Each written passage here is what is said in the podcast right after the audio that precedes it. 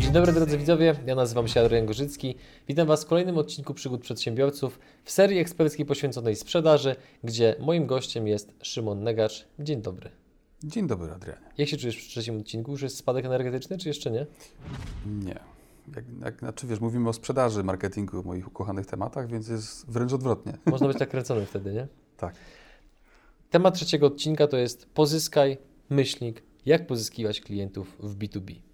Scena jest Twoja. Partnerami kanału są DPD, Twoi eksperci w doręczaniu, IBCCS Tax, spółki zagraniczne, ochrona majątku, podatki międzynarodowe, Kono. Wspólnie budujemy sukces. Linki do partnerów w opisie materiału.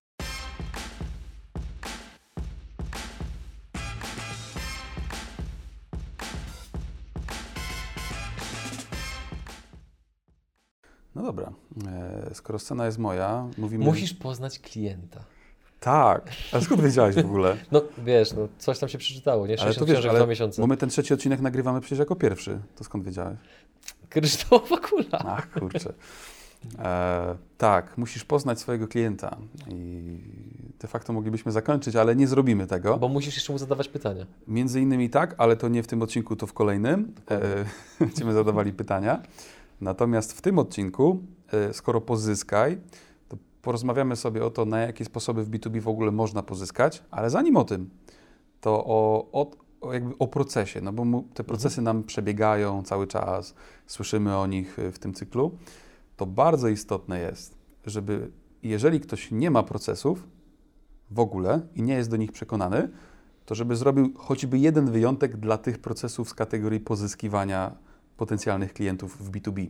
I to jest, to jest bardzo proste. Jeżeli uznać, że klienci są paliwem biznesu, to lepiej miej proces na to, żeby ich sprawnie pozyskiwać. Bo teraz jak miałbym na przykład y, zastanowić się, z jakimi problemami do nas trafiają klienci najczęściej, to myślę, że mniej więcej 4 na 5 trafia z problemem pozyskujemy za mało klientów, czyli z problemem dotyczącym dzisiejszego odcinka. Więc jeżeli już, to pozyskiwanie klientów w Twojej firmie musi być procesem. Procesem, który jest powtarzalny, on się dzieje zawsze. Wiemy doskonale, jak pozyskujemy klientów, wiemy, jak nie pozyskujemy klientów, bo już przetestowaliśmy, wiemy, że tam klientów nie ma. I wiemy, że jak robimy to stale, to mniej więcej tylu klientów do nas trafia. To jest skalowalne, przewidywalne, e, pomierzone przede wszystkim również. Czyli jeżeli już ktoś naprawdę jest bardzo nieprzekonany do procesów, to zachęcam, żeby akurat w tym obszarze, w obszarze pozyskiwania biznesu, te procesy jakoś wytworzyć. Mhm. Tu dziś się wtrącę. Śmiało. Powiedziałeś, że sprawdziliście procesy, które nie działają. Nie wiem, na ile to był skrót myślowy, a na ile to jest informacja, która jest wspólna dla większości branż. Czy byłbyś w stanie wskazać takie kanały sprzedaży, które naprawdę nie działają, a mimo to ładuje się w nie nieproporcjonalnie dużo pieniędzy u, u wielu klientów, w wielu firmach? Nie. W sensie takim, że zawsze dopasujemy kanał do segmentu, do tego, co wypracowaliśmy w ostatnim odcinku. Yy, na przykład irracjonalne jest to, że pozyskujemy biznes na Spotify'u. Dla większości w B2B jest nie do zrozumienia w ogóle, jak to jest możliwe. Czyli teoretycznie można by powiedzieć, że Spotify nie jest kanałem, przez który można pozyskiwać potencjalnych klientów. Bo tylko tak, tak, taki disclaimer dla osób, które ten odcinek widzą jako pierwszy, że pozyskujecie przez Spotify dzięki temu, że macie tam podcast. Dokładnie. Mamy podcast Nowoczesna Sprzedaż i Marketing. Jak ktoś wpisze sprzedaż w Spotify'a, pokazujemy się my, a tam są treści, Mhm. które są na jakie tematy, jak sądzisz? Sprzedaż i marketing? Tak, ale głębiej. W ostatnim odcinku Mhm. opracowaliśmy personę, jej problemy i wyzwania. Mhm. A nasze treści są o tych problemach i wyzwaniach tych naszych person. Dlatego oni chcą ich słuchać, dlatego się w te treści angażują. E, ale o tym będzie za moment. Za moment do tego jeszcze Jasne. dojdziemy. E, najpierw sobie rozkrójmy e, metody pozyskiwania biznesu na dwie grube kategorie. Najpierw zajmiemy się pierwszą, potem drugą. W pierwszej kategorii będą metody sprzedażowe, prospectingowe. Wszystko to, co jest w stanie zrobić handlowiec, siedząc przy komputerze z odrobiną głowy i telefonu. Albo handlowiec, albo przedsiębiorca, ktokolwiek. Bo ja na początku prospecting w swojej firmie też robiłem sam. I drugi obszar, wszystkie działania marketingowe. Masz trzecią kategorię, która generuje potencjalnych klientów? E, z polecenia? To będą te sprzedażowe. Tak? Że dzwonisz i, Okej. i prosisz o polecenia. Czyli to, to było podchwytliwe pytanie, czy jest faktycznie jakieś Nie, trzecie bo nie ma właśnie. No właśnie. Jest, kurczę, no, nie, Mhm. nie, nie ma zbyt dużego wyboru, nie? Albo generujemy to sprzedażowo, albo marketingowo, albo łączymy ich wysiłki, ale do tego, do tego dojdziemy. Albo bierzemy dotację. Albo, Przepraszam. Albo jeszcze jest, dobra, jest trzecia metoda, y, stosowana w bardzo wielu przedsiębiorstwach, albo agresywnie czekamy na klientów. Albo, tutaj jest, kontynuując heheszki, e, jest, nasz startup jest już gotowy, żeby wszedł inwestor. Tak, dokładnie. E, I potem oni kupują sobie nowe pasaty i potem Tak. leci ten i działają chwilę, no niestety kasa się kończy, Siejemy, drugi inwestor. No smutna historia. E, Maciej Filipkowski, którego też oboje znamy, dużo o tym Tak. nagrywa. Zachęcamy do oglądania jego odcinków. Oj, bardzo. Zaprojektuj swoje życie. Polecamy. Tak, polecamy i pozdrawiamy Maciej. E, dobra, to skupmy się na tych sprzedażowych najpierw. Proszę. To teraz co handlowiec ma do dyspozycji? Może dzwonić. Dzień dobry, mam fajny produkt. Może pisać maile. Dzień dobry, mam fajny produkt. Może e, odwiedzać tą firmę, nie, nie, jakby uprzednio jej nie uprzedzając. Wejść na recepcję i powiedzieć, że mam fajny produkt. Co jeszcze może zrobić? Może się pojawić na wydarzeniu. Może robić coś, co robi wielu handlowców ostatnio i my prześmiewczo nazywamy to cold LinkedIningiem. Czyli dzień dobry, zaprosiłem Pana do mojej sieci, bo wydaje się Pan być dokładnie tą osobą, która będzie potrzebowała naszego produktu, a ten produkt zwiększy Panu istotnie sprzedaż. Masz konto na LinkedInie? Doświadczam tego od pewnego czasu wraz ze wzrostem, powiedzmy, no, z braku lepszego słowa, popularności przygód przedsiębiorców i takie właśnie szablonowe wiadomości dostaję bardzo regularnie. E, A najbardziej chyba kocham pytania, jak ktoś y, pisze, czym się zajmujesz. Chwila, no to piszesz wiadomość, czyli powinieneś być na moim profilu i z grubsza, a raczej powinieneś wiedzieć, czym się zajmuję, tym bardziej, że staram się, żeby ten profil był w miarę dobrze uzupełniony. Więc no, szczerze mi jest nawet szkoda poświęcić 3 sekundy czasu, żeby odpisać na taką wiadomość, no bo to jestem jednym z prawdopodobnie tysiąca, który to dostał. To wiesz, to przynajmniej y, widz, który obejrzał ten cykl i obejrzał poprzedni odcinek, nie zada już klientowi takiego pytania, niech Pan mi opowie o swoich problemach, a ja Panu powiem, czy moja usługa pasuje. Tak. Bo to już te czasy, kiedy klient, y, proszę mi opowiedzieć tam, jak to u Was wygląda i ja tam sprawdzę, czy to będzie u Państwa odpowiednie rozwiązanie, to te czasy już w ogóle minęły. I to prawdopodobnie bezpowrotnie. I pomówmy o metodach sprzedażowych, najpierw, później o marketingowych. E, Jest coś takiego u nas jak taki czas koncentracji, na przykład na reklamie, na przykład na, na jakiejś informacji w radiu albo na czymś, co gdzieś tam nam przemknęło. I e, w badaniu, tylko teraz pewnie pomylę trochę cyfry, które było robione mniej więcej 12 lat temu, my mieliśmy takiego czasu, takiej koncentracji około 14-15 sekund.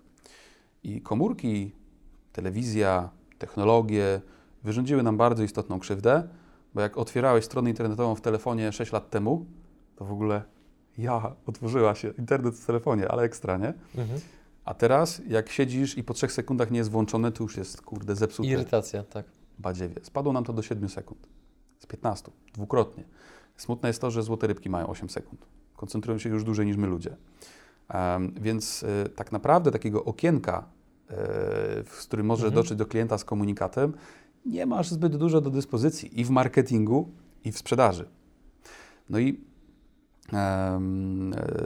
jak sądzisz, co jest teraz najcenniejszą walutą w tych czasach, Twoim zdaniem? Uwaga, o którą Uważność. walczą wszystkie koncerny technologiczne. Dokładnie. Mówi się, że czas, ale to tak naprawdę uważność jest tą najcenniejszą walutą. Uważność, za którą ludzie są w stanie zapłacić jakieś niesamowite pieniądze, żeby ją uzyskać. No i, no i zostańmy przy tej sprzedaży. E, Cold calling.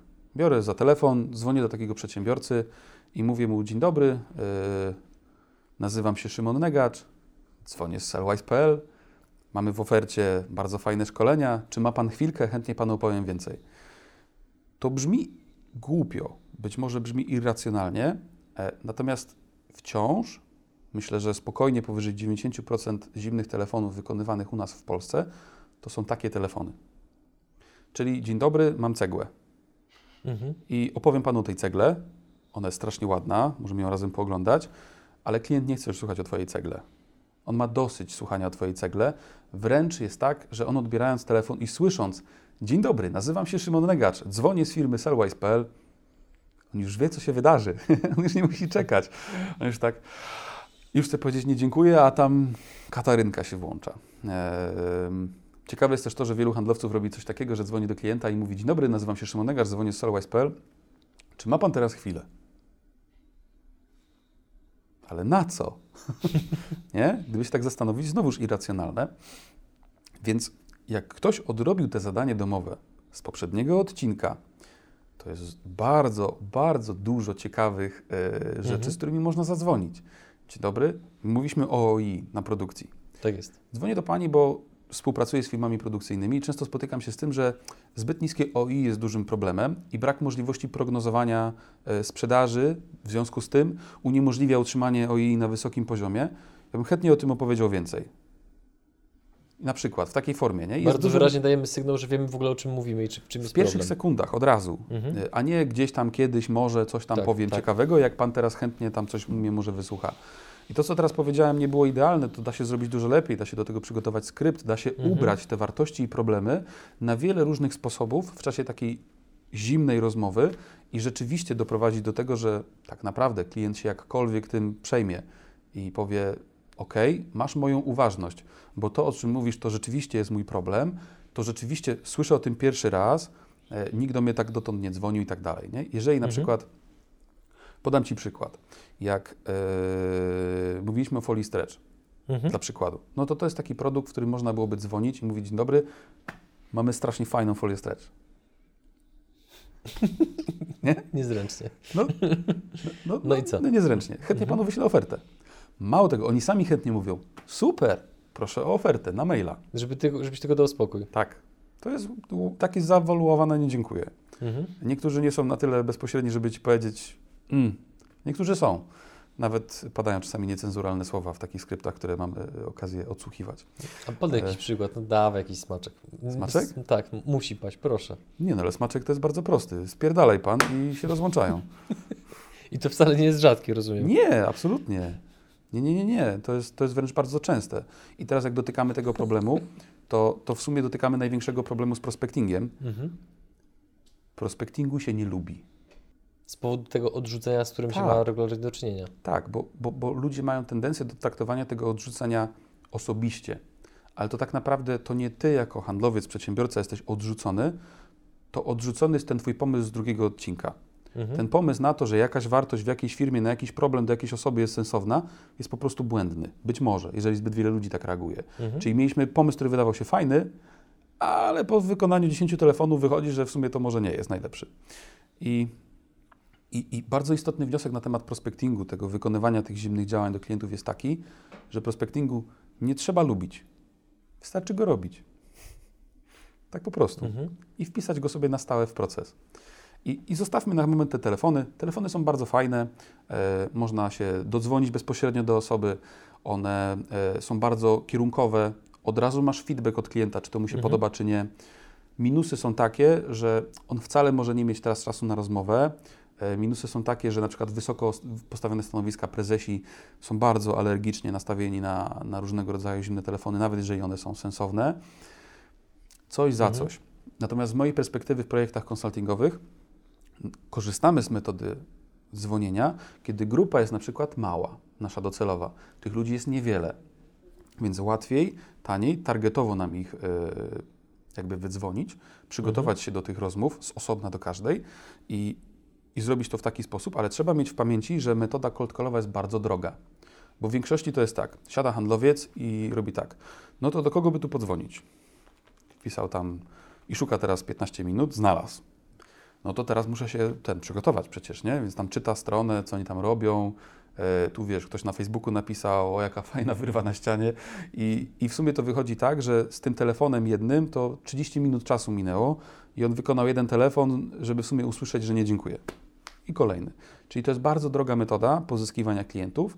E, natomiast w niektórych obszarach rzeczywiście wąskie branże, ta wartość ostatniego odcinka jest super mocna, wszyscy Mhm. chcą rozmawiać.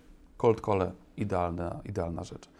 E, obok tego są te cold maile, czyli możliwość wysyłania do klientów. Poczekaj, tu Ci jeszcze przerwę, zanim umówimy maile, to powiedz mi z Twojego doświadczenia, co handlowiec powinien zrobić, bądź co powinien zrobić taki kierownik handlowców, jeżeli ma w swoim zespole osoby, które mentalnie źle znoszą odrzucenie. Jak to sobie przepracować? No bo w, w dużym uproszczeniu ja oczywiście rozumiem to, że musisz sobie uświadomić, że klient odrzuca być może Twój produkt albo sposób prezentacji tego produktu, a nie konkretnie Ciebie, no ale gdyby to było takie proste w wytłumaczeniu, to jakbyś powiedział ludziom nie pal, bo będziesz być może miał nowotwór płuc, to by nie palili, a jednak palą. Więc co, co zrobić, żeby bardziej dogłębnie ten handlowiec przepracował to, żeby jednak ten prospecting go aż tak nie stresował w kontekście cold callingu? Nic. Możesz tłumaczyć, tak jak wspomniałeś, nie? Że, Mhm. że to nie ocenia ciebie, to ocenia ten produkt. Możesz robić wiele takich miękkich rzeczy, nie? przemawiających do logiki tej osoby. I czasami ci się uda, czasami ci się nie uda. Dla nas dużo lepszym wyjściem jest rekrutowanie ludzi z myślą o tym, że oni są do cold callingu i projektowanie assessment center w taki sposób, żeby wyłonić ludzi, którzy czują się z tym dobrze i dobrze podchodzą do cold calli, widzimy, że nie będą Mhm. mieli z tym problemu i mamy nieskończenie lepsze wyniki niż przekonywanie ludzi, którzy i tak nie są do końca przekonani. A po czym poznajesz, że ktoś będzie się do tego nadawał? Wiesz co, robimy na przykład scenki w czasie rozmów kwalifikacyjnych, w których odrzucamy tego handlowca i patrzymy, co mu się dzieje. Patrzymy, jak on reaguje emocjonalnie, czy na przykład zaczyna czerwienić, czy się zaczyna jąkać, czy zaczyna ner- denerwować. Bardzo szybko robimy drugą rozmowę. Patrzymy, czy ta druga rozmowa będzie zrobiona dobrze. Czyli Mhm. projektujesz ćwiczenie, projektujesz assessment center, który ma za zadanie wyłonić ludzi, którzy czują się z tym ok. I teraz dla przykładu, ja jako handlowiec, ja jako przedsiębiorca, ja jako em, e, przedsiębiorca, słabo mi jest z cold callami. W sensie takim, że ja jestem typem osoby, który. Mm, są trzy lęki w sprzedaży. Jeden, takie naj, naj, najsilniejsze. Jeden z nich to jest poczucie niższości. Ja jako człowiek na wysokim ego, konsultant, przedsiębiorca i w ogóle mam problem z cold callami. Trudno mi się je robi. Nie jestem mistrzem świata, potrafię je robić doskonale. Wykonałem ich 12 tysięcy w karierze. Robiłem ich naprawdę bardzo. Od tego zaczęła się moja Boże. praca w sprzedaży, No. ale to nie jest coś, w czym ja się czuję, że Mhm. ale bym dzisiaj pokoldkolował, nie? Mhm. Natomiast największy kontrakt w Sellwise zdobyłem właśnie cold callem. Okej, czyli jakby podsumowując ten wątek, no to musimy przede wszystkim wyselekcjonować ludzi, którzy się będą dobrze czuli w tym konkretnym aspekcie sprzedaży. Tak moim zdaniem będzie najlepiej. Pewnie da się to rozwiązać na parę innych sposobów, które teraz nie przychodzą mi do głowy. Mhm. E, natomiast wyraźnie widzę, że jak komuś jest po drodze z tym sposobem, ktoś na przykład ma taką dużą łatwość przelewania myśli na słowa, świetna osoba do cold callingu. Na przykład widzimy w badaniach, jak prowadzimy u naszych klientów, że to zabrzmi dziwnie, ale największą skuteczność w cold callach mają kobiety o niskim głosie. Spodziewałbyś się? Jest sk- zaskakujący, nie ukrywam. Zaskakujące, nie? Mhm. Ale widzimy na przykład taką prawidłowość. Dobra, to teraz cold mailing poproszę. Cold maile. E, Cold maile to jest zupełnie inna metoda, bo to jest, e, co- cold call można sobie wyobrazić jako strzał e, snajpera w głowę ofiary niemalże. E, z Bardzo taką- obrazowe, bardzo. a, a, a cold mailing to jest trochę tak, jakby wziąć strzelbę, strzelać w powietrze i liczyć na to, że spadną trzy kaczki. Czyli zupełnie inna metoda, dużo szersza. Natomiast e, cold mailing e, jest, e, powiedzmy, że nie cieszy się najlepszą sławą.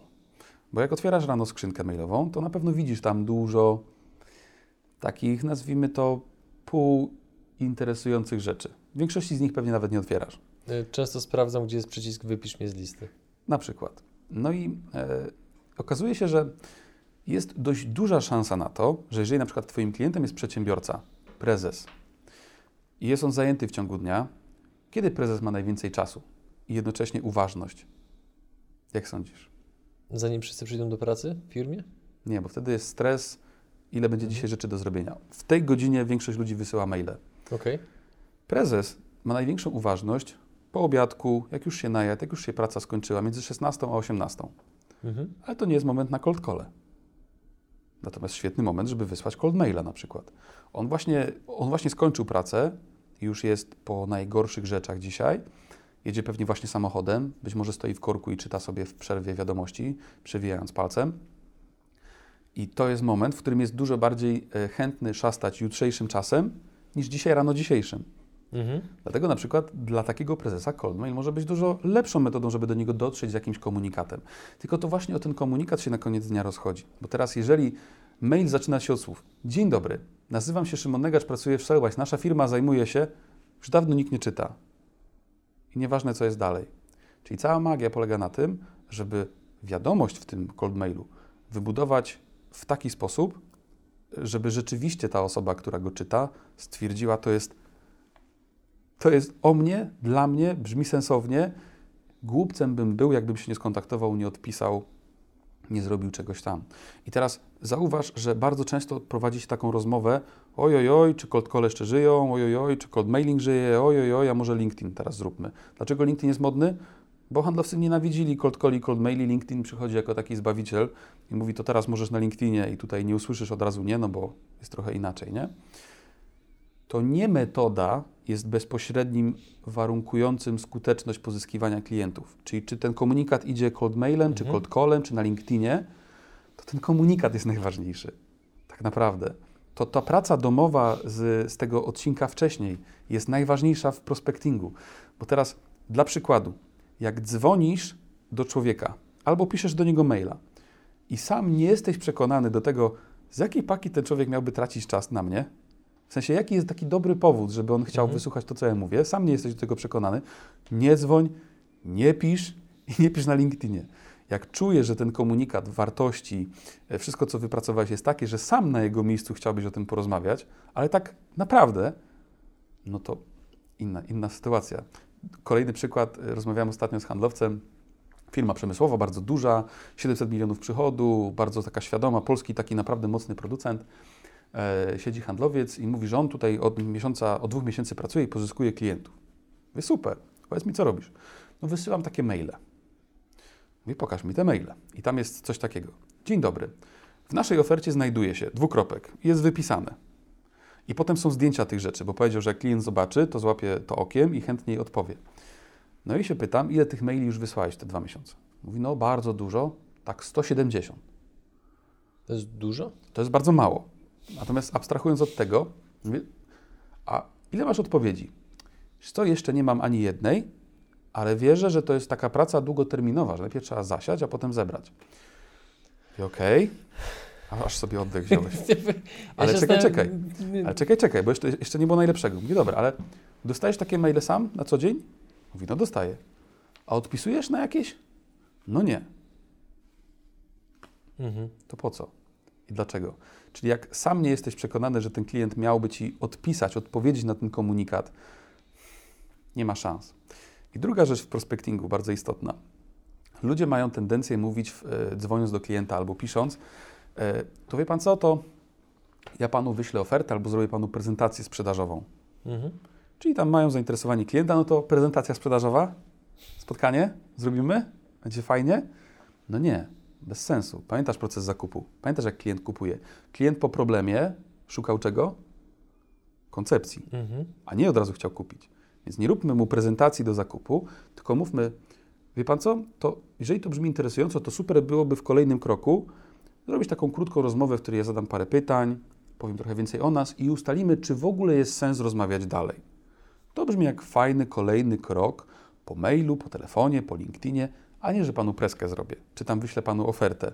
Ja potem będę robił follow-up, bo przeczytałem w necie, że jak zrobię 9, to klient kupi.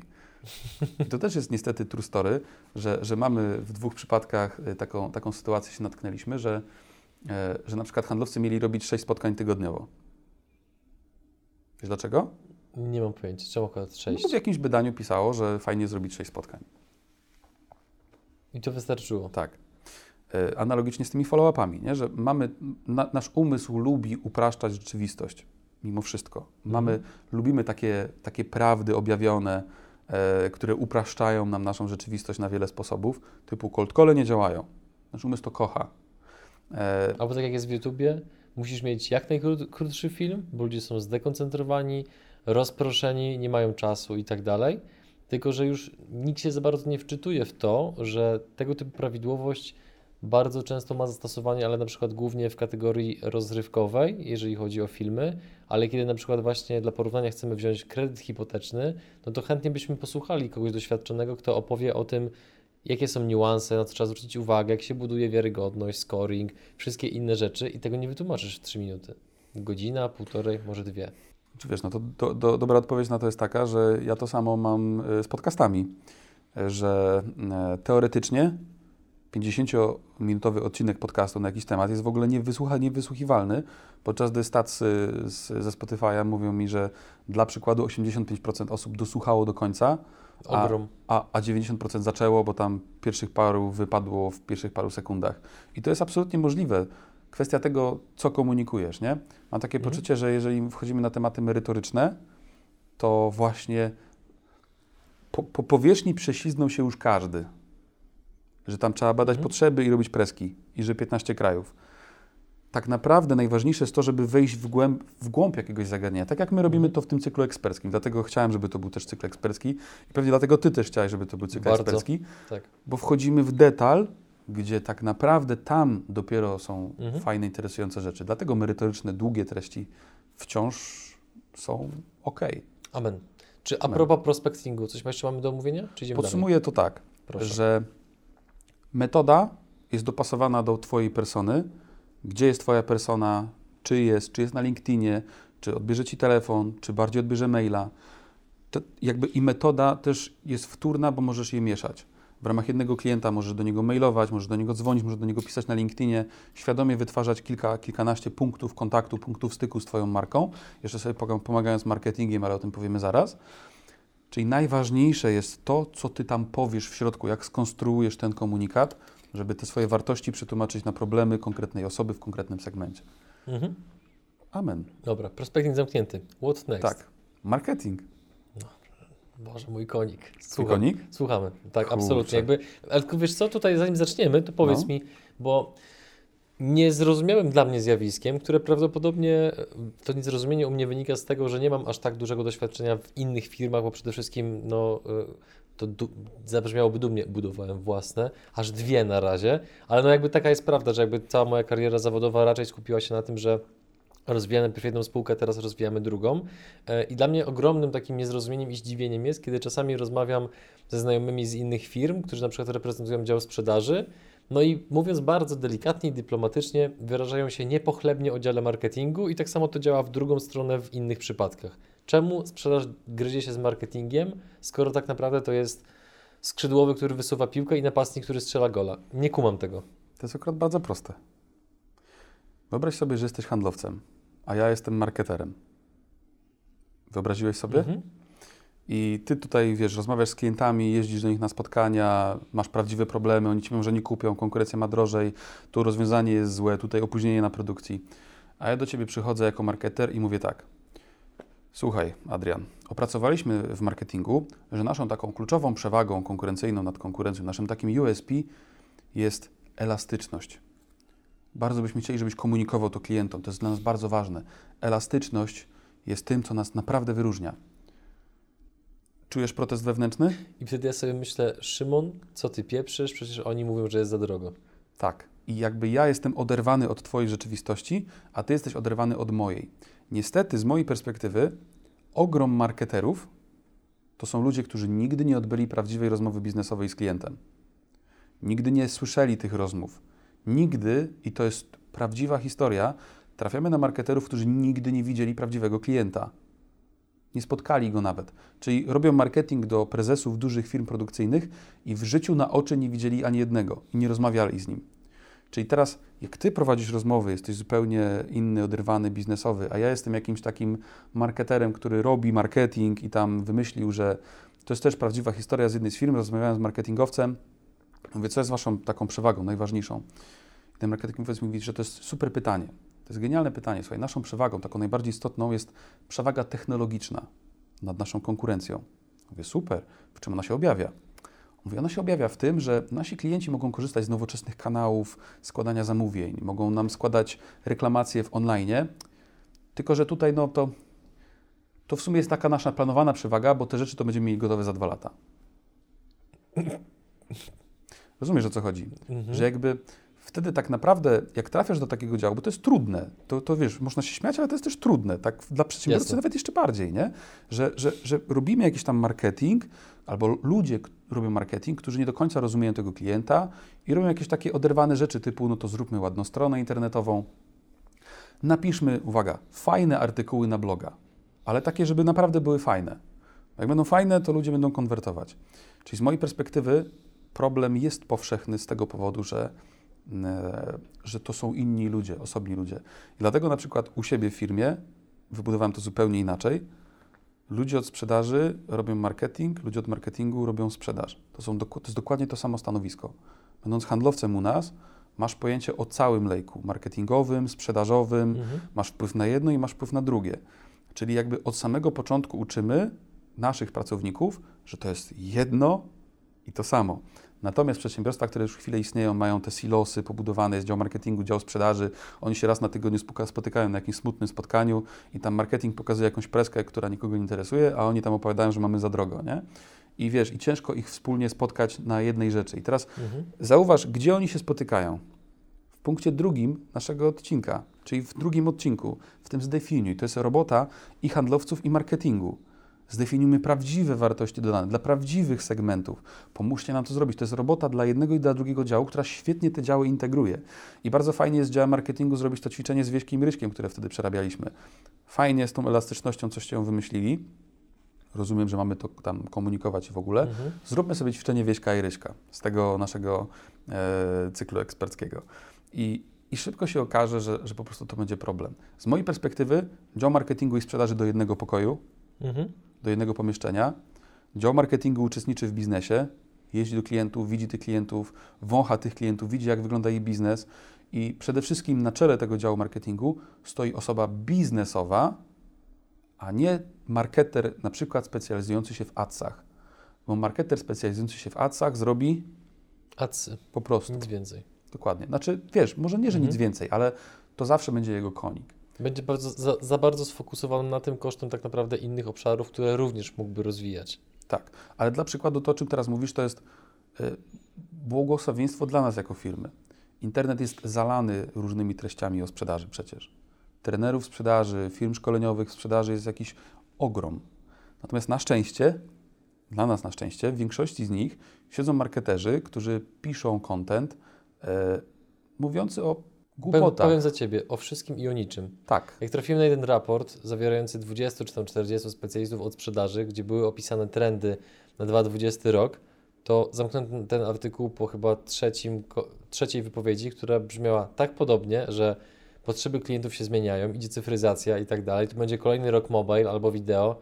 Boże, przecież to, to nie jest nic odkrywczego i każdy, kto chociaż delikatnie liznął sprzedaży i marketingu, to wszystko wie. No i właśnie. I teraz przejdźmy do góry lejka marketingowego. Bo od tego można zacząć, bo de facto oni piszą te treści po to, żeby ludzie się o nich dowiedzieli. Mhm. Po to, że ktoś wpisał w Google, znalazł nas. Po to, że ja tobie podałem fajny artykuł. Po to, że, że jakby on się gdzieś pojawił na LinkedInie, ktoś go szeruje, jakby robi się baz wokół marki, bo opublikowaliśmy fajną treść. Przecież to jest celem content marketingu. On może być na górze lejka, żeby wygenerować na górze lejka marketingowego, tłumacząc. Lejek marketingowy to jest coś, do czego na górze wchodzą, wchodzą wszyscy ci z tego Twojego segmentu, a na koniec wychodzą lidy. Czyli ludzie, którzy powiedzieli, to jest fajne, chcemy rozmawiać. Przedstawili się nam. I teraz pomiędzy to, co z nimi zrobisz, to jest Twój pomysł na to, jak robić marketing. Jak Mhm. przepuścić tą osobę przez różne działania, które robi nasza firma, żeby ona rzeczywiście chciała nam się przedstawić. I jednym z pomysłów, takim najbardziej trywialnych, jest to, żeby pisać bloga. I teraz, jaki jest najlepszy sposób na to, żeby nie pisać miałkiego bloga o niczym? Zrobić ćwiczenie z poprzedniego odcinka. Zgadza się. Chcia, chciałem powiedzieć, żeby przede wszystkim no, poznać tak naprawdę swoich klientów i rozmawiać z nimi, żeby ich dogłębnie zrozumieć, a nie, że nam coś się wydaje. I pisać o rzeczach dla nich istotnych. Dokładnie. Mówić o rzeczach, o których dotąd nikt nie powiedział. Nie pisać y, samych clickbaitowych y, artykułów. One też pomagają, bo, bo jakby bo ułatwiają łatwo i szybko wybudować, y, wybudować rozpoznawalność na takiej Tak. zasadzie, że wiem, że istnieje, ale na pewno nie konwertują na lidy. Mhm. Więc content marketing świetnie sprawdza się na samej górze lejka. Ale teraz znowuż, jak wejdziemy w realia firm, no to takich firm, które e, zrobiły content marketing, ty, czyli jakby prezes na przykład przyszedł, powiedział, piszcie bloga. I oni tak powiedzieli, no dobra, i tam piszą i tworzą jakieś treści, no niestety w większości przypadków ludziom nie przyniosło to żadnych rezultatów. I teraz dlaczego? Dlaczego my na przykład piszemy mniej treści niż nagrywamy? Mhm. Bo nasza persona nie ma czasu jej czytać zazwyczaj. Albo czyta Okej. tylko określony typ treści. Dlatego na przykład nagrywamy podcasty, bo wiemy, że nasza persona tam jest bardziej dostępna, to tam bardziej konsumuje treści, to tam bardziej się w nie angażuje. I mamy to sprawdzone. Czyli jakby content marketing, to co mnie zawsze bardzo boli, to to, że on jest często spłaszczany do pojęcia pisania bloga Mhm. co jest bardzo krzywdzące, bo tu kompletnie o samego bloga nie chodzi. Można pisać bloga, można nagrywać podcasty, można robić kanał na YouTubie, tak jak Wy to robicie i pomagacie też innym przedsiębiorcom robić kanały na YouTubie, co jest ekstra i zaraz powiem Mhm. dlaczego. Podcasty, e, YouTube'a, możemy robić LinkedIna na samej górze, możemy robić dużo różnych mediów. I teraz najgorzej jest robić bloga, bo bloga zrobili wszyscy znowuż. Mhm. Czyli dla przykładu, jeżeli masz wartościowy komunikat, to możesz chcieć ten content umieścić w medium, w którym nie ma Twojej konkurencji dotychczas. Dlaczego my zaczęliśmy nagrywać podcast? Bo nie było żadnego regularnego podcastu w Polsce na ten temat. Regularnego. Bo tam takich, co się zaczęły i było trzy odcinki czy pięć, jest dość To trochę. jest cała masa. Taka Tak. dolina śmierci. Ale takiego podcastu dla dyrektorów sprzedaży, prezesów, marketerów, e, łączącego sprzedaż i marketing w B2B ekskluzywnie nie było. I na dzień dzisiejszy podcast jest jednym z najbardziej istotnych źródeł e, leadów w naszej firmie. Natomiast on jest też połączony z innymi, e, z innymi rzeczami. No i do, do tych innych rzeczy teraz pójdźmy. Mamy Górę Mhm. Lejka. Wygenerowaliśmy za pomocą na przykład SEO, macie też cykl ekspercki o SEO. Tak. E, za pomocą content marketingu wygenerowaliśmy ludzi, którzy weszli na bloga. Co robią ludzie, którzy weszli na bloga? Zaczynają czytać. I potem Znaczy, powiedziałbym, że to zależy, bo chyba to faktycznie zależy. bardzo, ale w większości dużej Bartek podpowiada, że wychodzą. wychodzą. Tak, wychodzą? No, Bartek, ty jesteś geniusz, ja cię, nie, nie, niemożliwe. ale ten Bartek No. jest, nie? Niesamowite. Wychodzą, Mhm. znikają. I, I często to był jedyny punkt styku z Twoją marką. Przeczytałem jakiś artykuł, albo nawet go przeskanowałem i uciekłem. Tak. I teraz, jak nie wymyślisz mi dobrego powodu na to, żebym z Tobą został, poznał Cię lepiej, czyli to, co przed chwilą mówiliśmy, to było TOFU, top of the funnel, góra lejka marketingowego. Zyskałem atencję, uważność zyskałem. Ale jak nie mam pomysłu na MOFU, czyli na środek tego lejka marketingowego, w jaki sposób i niby z jakiego powodu ktoś miałby chcieć zostać ze mną na dłużej i się w te treści zaangażować. Mhm. Najbardziej trywialnym pomysłem jest newsletter na MOFU. Zapisz się do naszego newslettera, będziemy Ci wysyłali nasze treści marketingowe i w ogóle, i w ogóle. Innym pomysłem jest remarketing, czyli ktoś był na naszym wpisie blogowym, e, więc pokażmy mu reklamy, pokażmy mu displaye, pokażmy mu, że może do nas wrócić, dajmy mu jakiś fajny komunikat, niech wróci do naszego lejka marketingowego. Pomysłem na środek lejka może być na przykład marketing automation. To jest coś, co my silnie wdrożyliśmy, że dla przykładu klient, który u nas czytał o systemach CRM, w sposób automatyczny dostanie od nas e, wiadomości mailowe dotyczące systemów CRM.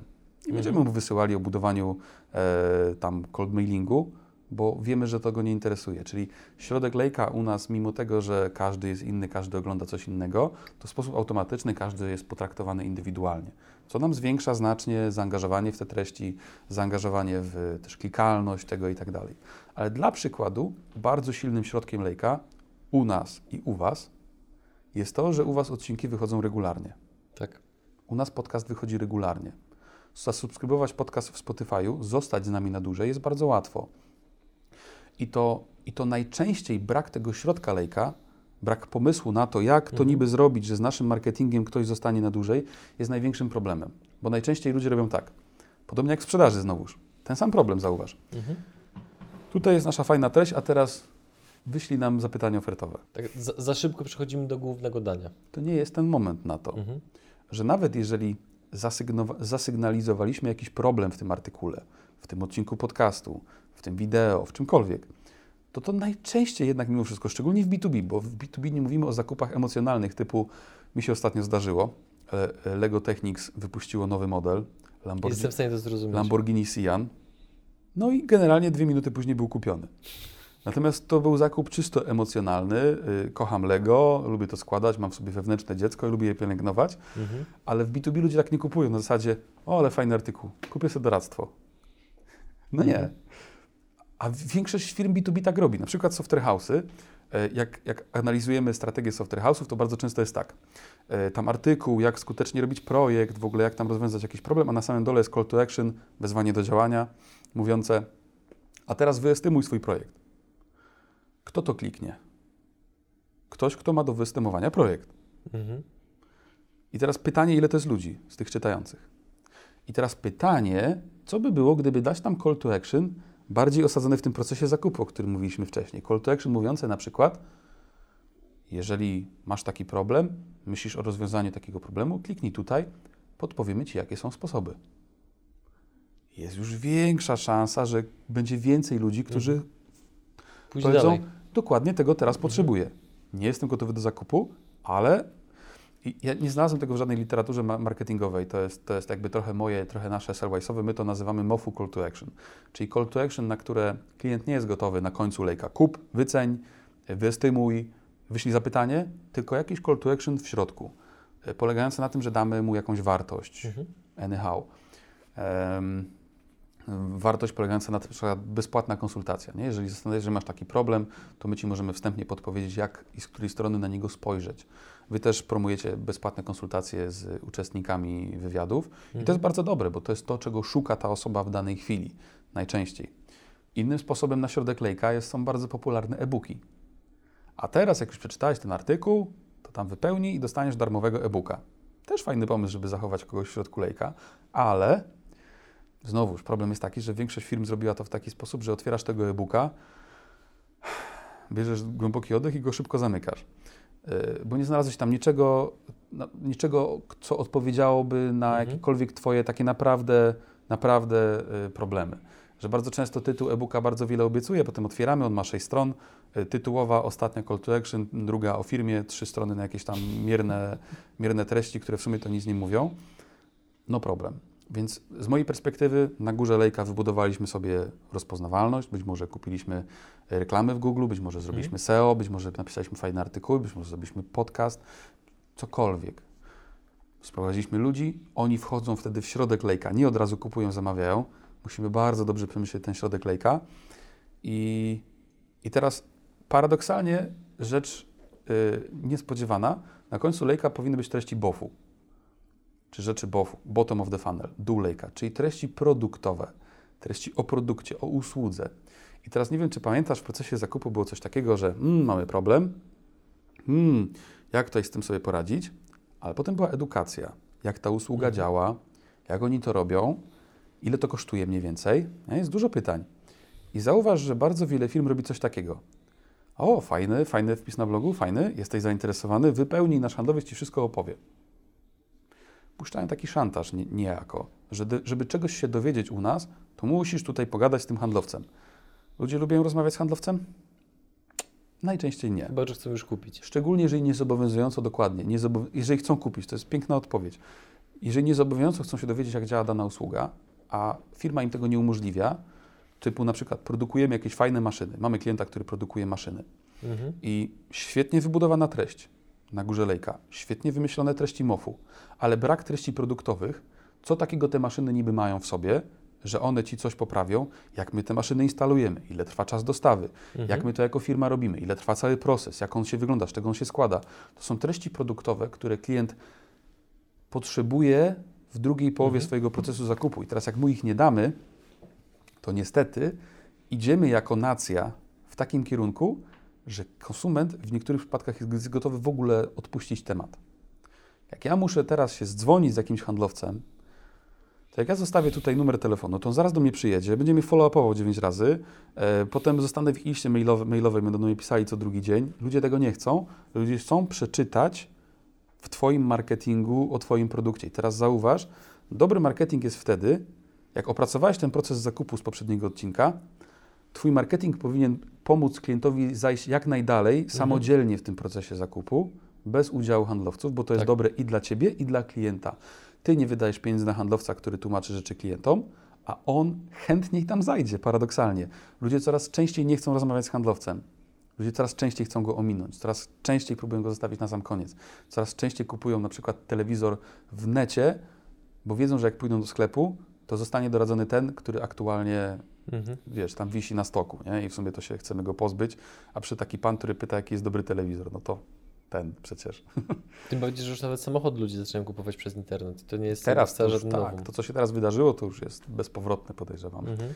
Czy jakby idea jest taka, że budujesz swój marketing w zgodzie z procesem zakupu Twojego klienta i pomagasz mu zrozumieć problem, tłumaczysz koncepcję, dajesz mu treści produktowe, to wszystko jest zgodne z jego procesem Mhm. zakupu i teraz najlepszy smaczek na koniec. Jak wypisałeś sobie proces zakupu i co Twój klient robi w tym procesie zakupu. Dla przykładu, że robi tą preskę.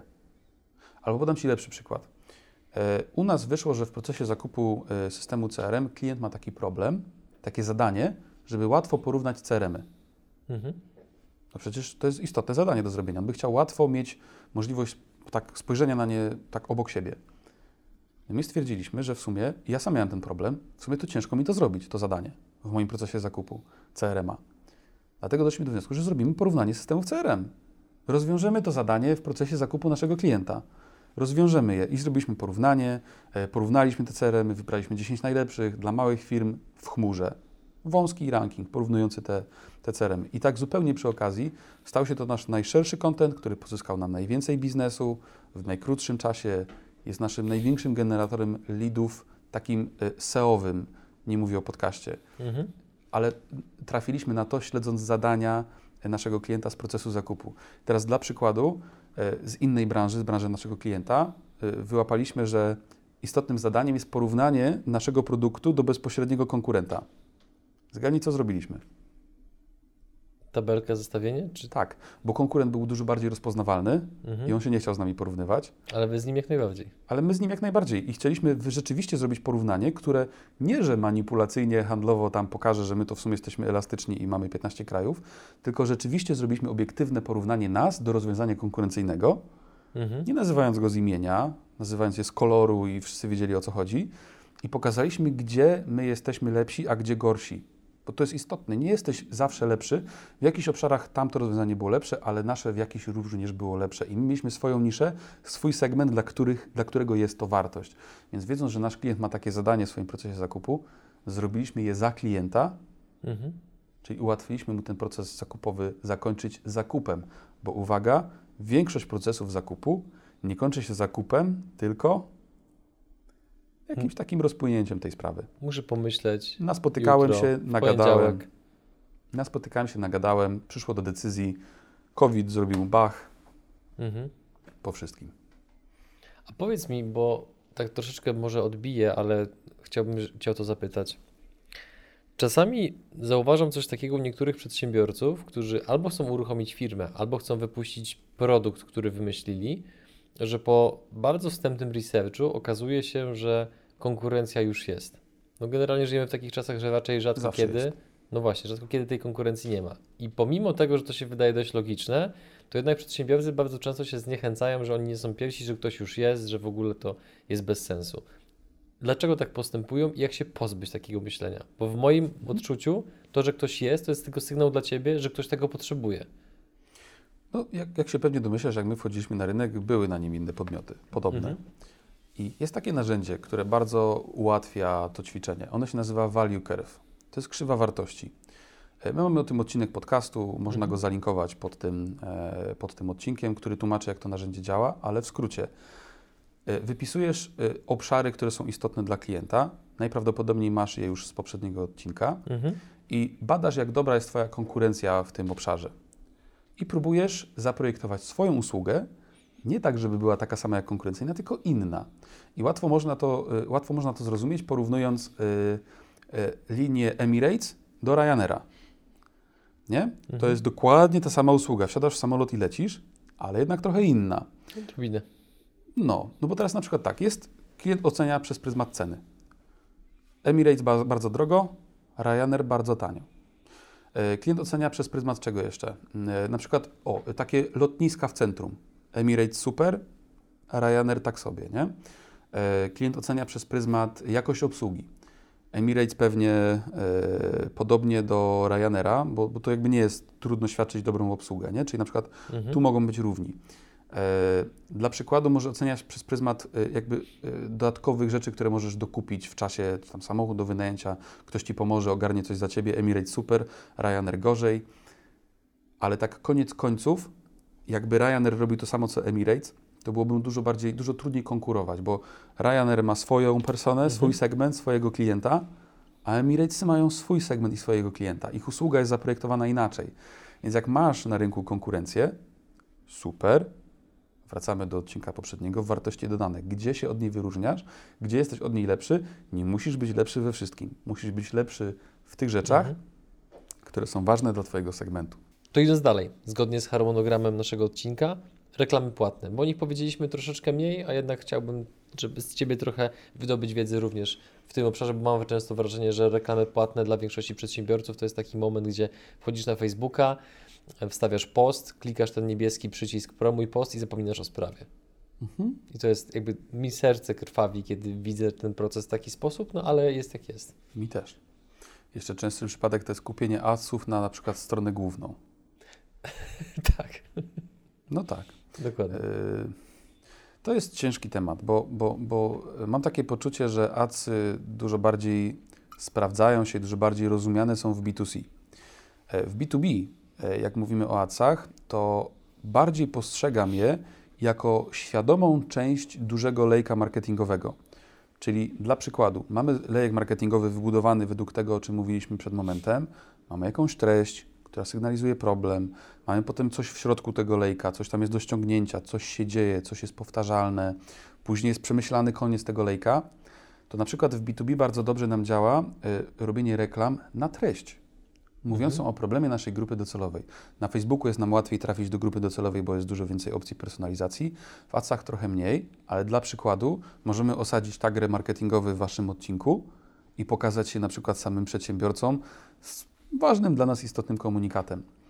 Myślę, że najważniejsza rzecz o adsach, którą, którą mogę powiedzieć, to to, że one najczęściej są oderwane od tego wszystkiego, o czym mówiliśmy dotąd.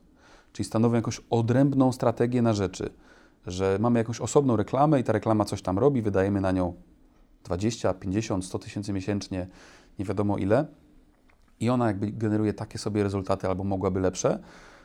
Najlepsze, co możemy sobie zrobić, prezent, który możemy sobie zrobić, to traktować adsy w B2B jako em, skalowanie naszego lejka marketingowego, czyli świadomie dorzucamy do niego więcej ludzi. Prowadzimy ludzi na treść. W środku tego lejka mówiliśmy o remarketingu, czyli powracamy do tego klienta z jakąś treścią, ale znowuż przemyślano w ramach tego lejka, czyli same adsy z mojej perspektywy nigdy nie rozwiązują sprawy. Czyli nikt jeszcze nie sprzedał na przykład projektu e, doradztwa e, tym, że hej, mamy fajne doradztwo. Teraz od razu powiem, że mamy nam lata jeden banner re- remarketingowy mówiący o tym, że robimy doradztwo, ale puszczamy go w lejku klientom, któr- co do których mamy podejrzenie, że oni nie do końca zrozumieli z naszego artykułu, co my robimy. Na przykład. Czy jest to też intencjonalne, żeby na to ich powrócić, ale to jest w, jakby w karuzeli nie tylko ten banner widzą, widzą dużo więcej z innymi komunikatami. Po czym stwierdzacie, że klienci nie do końca zrozumieli, czym się zajmujecie? Wiesz co, z wielu źró- źródeł, bo, bo na przykład jak mamy ten ranking CRM-ów, to, to na początku silnie dopracowywaliśmy call to action i w ogóle wszystko do tego rankingu, bo ludzie myśleli, że my mamy system CRM i że możemy im go sprzedać. Mhm. No to na przykład z tego. I, i, i dla, przykładu, jak e, osadzam e, remarketing e, na konkretnych podstronach, które nie mówią o tym, co my robimy, to po prostu puszczamy tym ludziom coś remarketingowego, ale też puszczamy im informacje o tym, co ta nasza firma w ogóle robi, żeby oni mogli sobie Sellwise osadzić jako aha, doradztwo i szkolenia w sprzedaży i marketingu B2B, no to już rozumiem. Mhm. To ciekawe, może przeczytam więcej, ale tak, żeby przynajmniej zaczynali rozumieć, co my robimy. To jest bardzo istotne, bo, bo bez tego, wiesz, jest, jest bardzo dużo takich marek, z którymi się zetknąłeś na przykład w internecie, ale nie do końca zrozumiałeś, co one robią. Mhm. I co wtedy zrobiłeś? Zapomniałem o sprawie. Już wiesz, wyszedłeś. I Tak. zapomniałeś o sprawie i nigdy do tego nie wróciłeś. Więc to w Twoim interesie jest, Mhm. żeby to, co robisz, było łatwe poznawczo. Nie? Bo czasami ludzie, jak zadajesz to pytanie, czym się Twoja firma zajmuje? I oni robią tak, "Uff, dobra, to jest długa historia, nie? Mhm. To nie może być długa historia. To musi być bardzo krótka historia. Eee, I ona musi być bardzo łatwa do zrozumienia. Mhm. Wtedy ludzie angażują się w to i zaczynają rozumieć i w ogóle mają energię, żeby wejść głębiej i żeby wejść w dół tego naszego lejka. A jak podejść do reklam płatnych, kiedy jest się w sytuacji, gdzie jest to dla nas pewnego rodzaju nowość? Uczyć się tego samemu, zlecić to agencji, freelancerowi, pojechać na szkolenie, na konferencję. Jak ty byś do tego podszedł? No bo też jakby no zakładam, że nie wszystkie firmy, które nas oglądają, mają 20, 50 czy 100 tysięcy budżetu na to, żeby to wrzucić do jakiejś agencji. Być może będą chcieli to robić początkowo in-house'owo. To jest dobra droga, czy nie? To przede wszystkim rozbije jakiś mit, być, być może. E, My rzeczywiście e, generujemy dość dużo leadów. E, Jak na naszą usługę, jak na benchmark generujemy tego bardzo dużo. Natomiast na adsy miesięcznie wydajemy między 1000 a 2000 netto. Mhm. To jest bardzo punktowe dla nas. W konkretnych miejscach, gdzie widzimy, że mamy dziurę w lejku marketingowym, łatamy ją tym sposobem. E, Więc jakby z mojej perspektywy to też bardzo zależy, bo pytanie, co ty sprzedajesz i do jakiego segmentu. Być może jest tak, że w ogóle cały twój lejek będzie wybudowany na adsach, jak najdalej, jak najszerzej, landing page, Mhm. na nim jakieś coś, jakiś call to action i tyle. Mhm. E, więc jakby z mojej perspektywy duży problem jest taki, że jak dzwonisz do, do agencji, która zajmuje się adsami i mówisz, że może by zrobiła adsy, to ona zrobi ci Adsy. po prostu. I teraz niestety musisz odrobić to ćwiczenie, w którym ty albo ktoś w twojej firmie zrobi to, to w poprzednim odcinku, znowu wracamy. Patrz, jak często to się Mhm. przewija, nie? Duże, trudne ćwiczenie, jak w ogóle kupuje ten mój klient i dlaczego niby te adsy miałyby mi pomóc. I jak potrafię nazwać swój problem, to jest mi łatwiej, bo to jest tak, jak e, oddajesz samochód do mechanika i mówisz, coś nie działa, proszę coś tam powymieniać. Uhu, to ci na wymienia, nie? Tak. Ale jak potrafisz nazwać, co tam jest zepsute, proszę mi wymienić olej w skrzyni biegów, true story, muszę niedługo wymienić olej w skrzyni biegów, Mhm. no to, to wymienią ci olej w skrzyni biegów, nie? bo nazwałeś swoją, swoją potrzebę bardzo, bardzo wprost. Więc jakby z mojej perspektywy przedsiębiorca w tych czasach to jest ktoś, kto musi rozumieć naprawdę dużo różnych rzeczy. E, Albo rzeczywiście mieć osobę zatrudnioną, która to robi, która to rozumie, albo mieć na przykład właśnie firmę doradczą, konsultingową, która tym procesem posteruje. Skąd wiemy, że mamy dziury w lejku? Po czym to się stwierdza?